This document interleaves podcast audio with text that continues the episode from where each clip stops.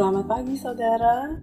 Kita bersyukur pagi hari ini kembali kita boleh bersama-sama akan belajar firman Tuhan. Hari sebelumnya kita berdoa. Bapa yang baik, kami bersyukur kepadamu ya Tuhan atas segala berkat dan rahmatmu. Sepanjang malam kami telah boleh beristirahat dengan baik dan di pagi ini Tuhan sudah membangunkan kami kami sudah siap menyambut segala berkat Tuhan di hari ini melalui setiap karya kerja kami. Namun sebelumnya kami sama-sama datang kepada Tuhan. Kami mohon Tuhan berbicara kepada kami melalui pembacaan dan perenungan firman Tuhan di hari ini. Tuhan tuntun kami ke dalam kebenaran-Mu yang membawa kami untuk boleh hidup menyenangkan Tuhan. Demi nama Tuhan Yesus kami sudah berdoa. Amin. Saudara, pembacaan firman Tuhan hari ini dari kitab Markus, pasalnya yang ke-10, ayatnya yang ke-46 hingga ayatnya yang ke-52. Demikian firman Tuhan. Lalu tibalah Yesus dan murid-muridnya di Yeriko. Dan ketika Yesus keluar dari Yeriko bersama-sama dengan murid-muridnya, dan orang banyak yang berbondong-bondong, ada seorang pengemis yang buta bernama Bartimeus, anak Timeus, duduk di pinggir jalan. Ketika didengarnya bahwa itu adalah Yesus orang Nazaret, mulailah ia berseru, "Yesus, anak Daud, kasihanilah aku!" Banyak orang menegurnya supaya ia diam. Namun semakin keras ia berseru, "Anak Daud, kasihanilah aku!"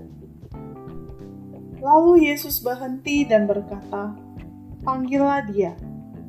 Mereka memanggil orang buta itu dan berkata kepadanya, "Kuatkan hatimu, berdirilah, ia memanggil engkau." Lalu ia menanggalkan jubahnya, ia segera berdiri dan pergi mendapatkan Yesus. Tanya Yesus kepadanya, "Apa yang kau kehendaki supaya aku perbuat bagimu?" Jawab orang buta itu, "Rabuni, supaya aku dapat melihat." Lalu kata Yesus kepadanya, "Pergilah, imanmu telah menyelamatkan engkau." Pada saat itu juga melihatlah ia. Lalu ia mengikuti Yesus dalam perjalanannya. Saudara, tema renungan pagi ini adalah siapa yang peduli? Dalam pembacaan firman Tuhan hari ini, kita menemukan Yesus dan para murid keluar dari kota Yeriko.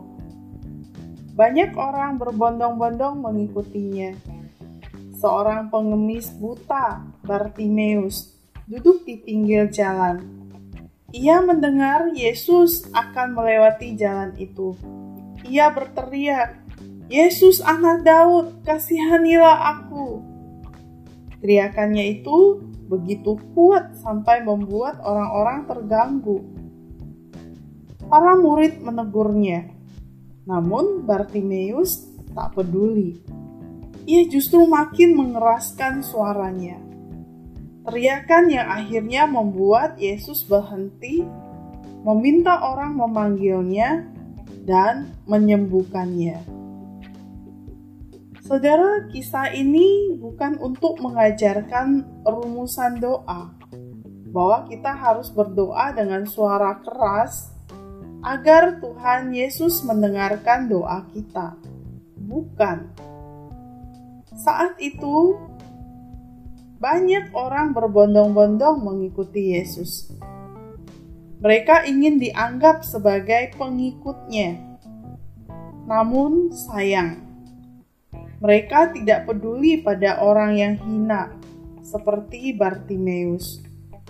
Padahal, Bartimeus sudah berteriak-teriak, para murid pun tidak alih-alih membantu dan melayani Bartimeus, mereka justru marah dan memintanya untuk diam.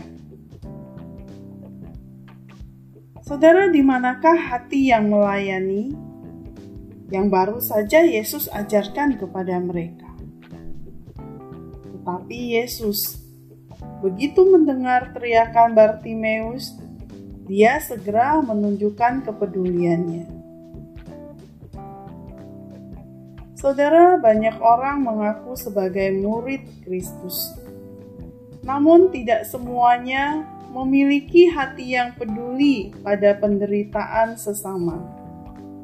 Mengasihi sesama adalah bukti bahwa kita mengasihi Allah. Mau peduli dan membawa sesama kepada Kristus adalah bukti bahwa kita mengasihi Kristus. Apakah kita memiliki hati yang demikian? hati yang peduli untuk menuntun orang lain kepada Kristus? Saudaraku, Tuhan Yesus menghendaki kita menjadi perpanjangan tangannya untuk menolong mereka yang lemah dan tertindas.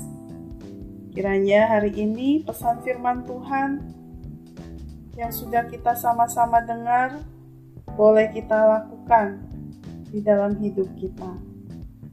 Mari kita berdoa. Tuhan Yesus, terima kasih. Pagi ini kami sudah sama-sama belajar. Tuhan Yesus adalah Tuhan yang peduli. Engkau memberikan teladan yang sempurna bagi kami. Tuhan, tolonglah kami agar kami juga memiliki hati yang seperti hatimu. Tuhan, tolong kami untuk boleh menyatakan kasih Tuhan melalui kepedulian kami menjadikan setiap kami sebagai perpanjangan tangan Tuhan untuk menolong mereka yang lemah, menghiburkan mereka yang susah, dan membawa pengharapan bagi mereka yang berputus asa. Terima kasih Bapa. Kiranya hari ini Tuhan boleh menolong kami untuk melakukan firman-Mu di tengah-tengah kehidupan kami, keluarga kami di mana pun Tuhan kehendaki. Demi nama Tuhan Yesus kami sudah berdoa. Amin. Bersama Yesus, aku bisa.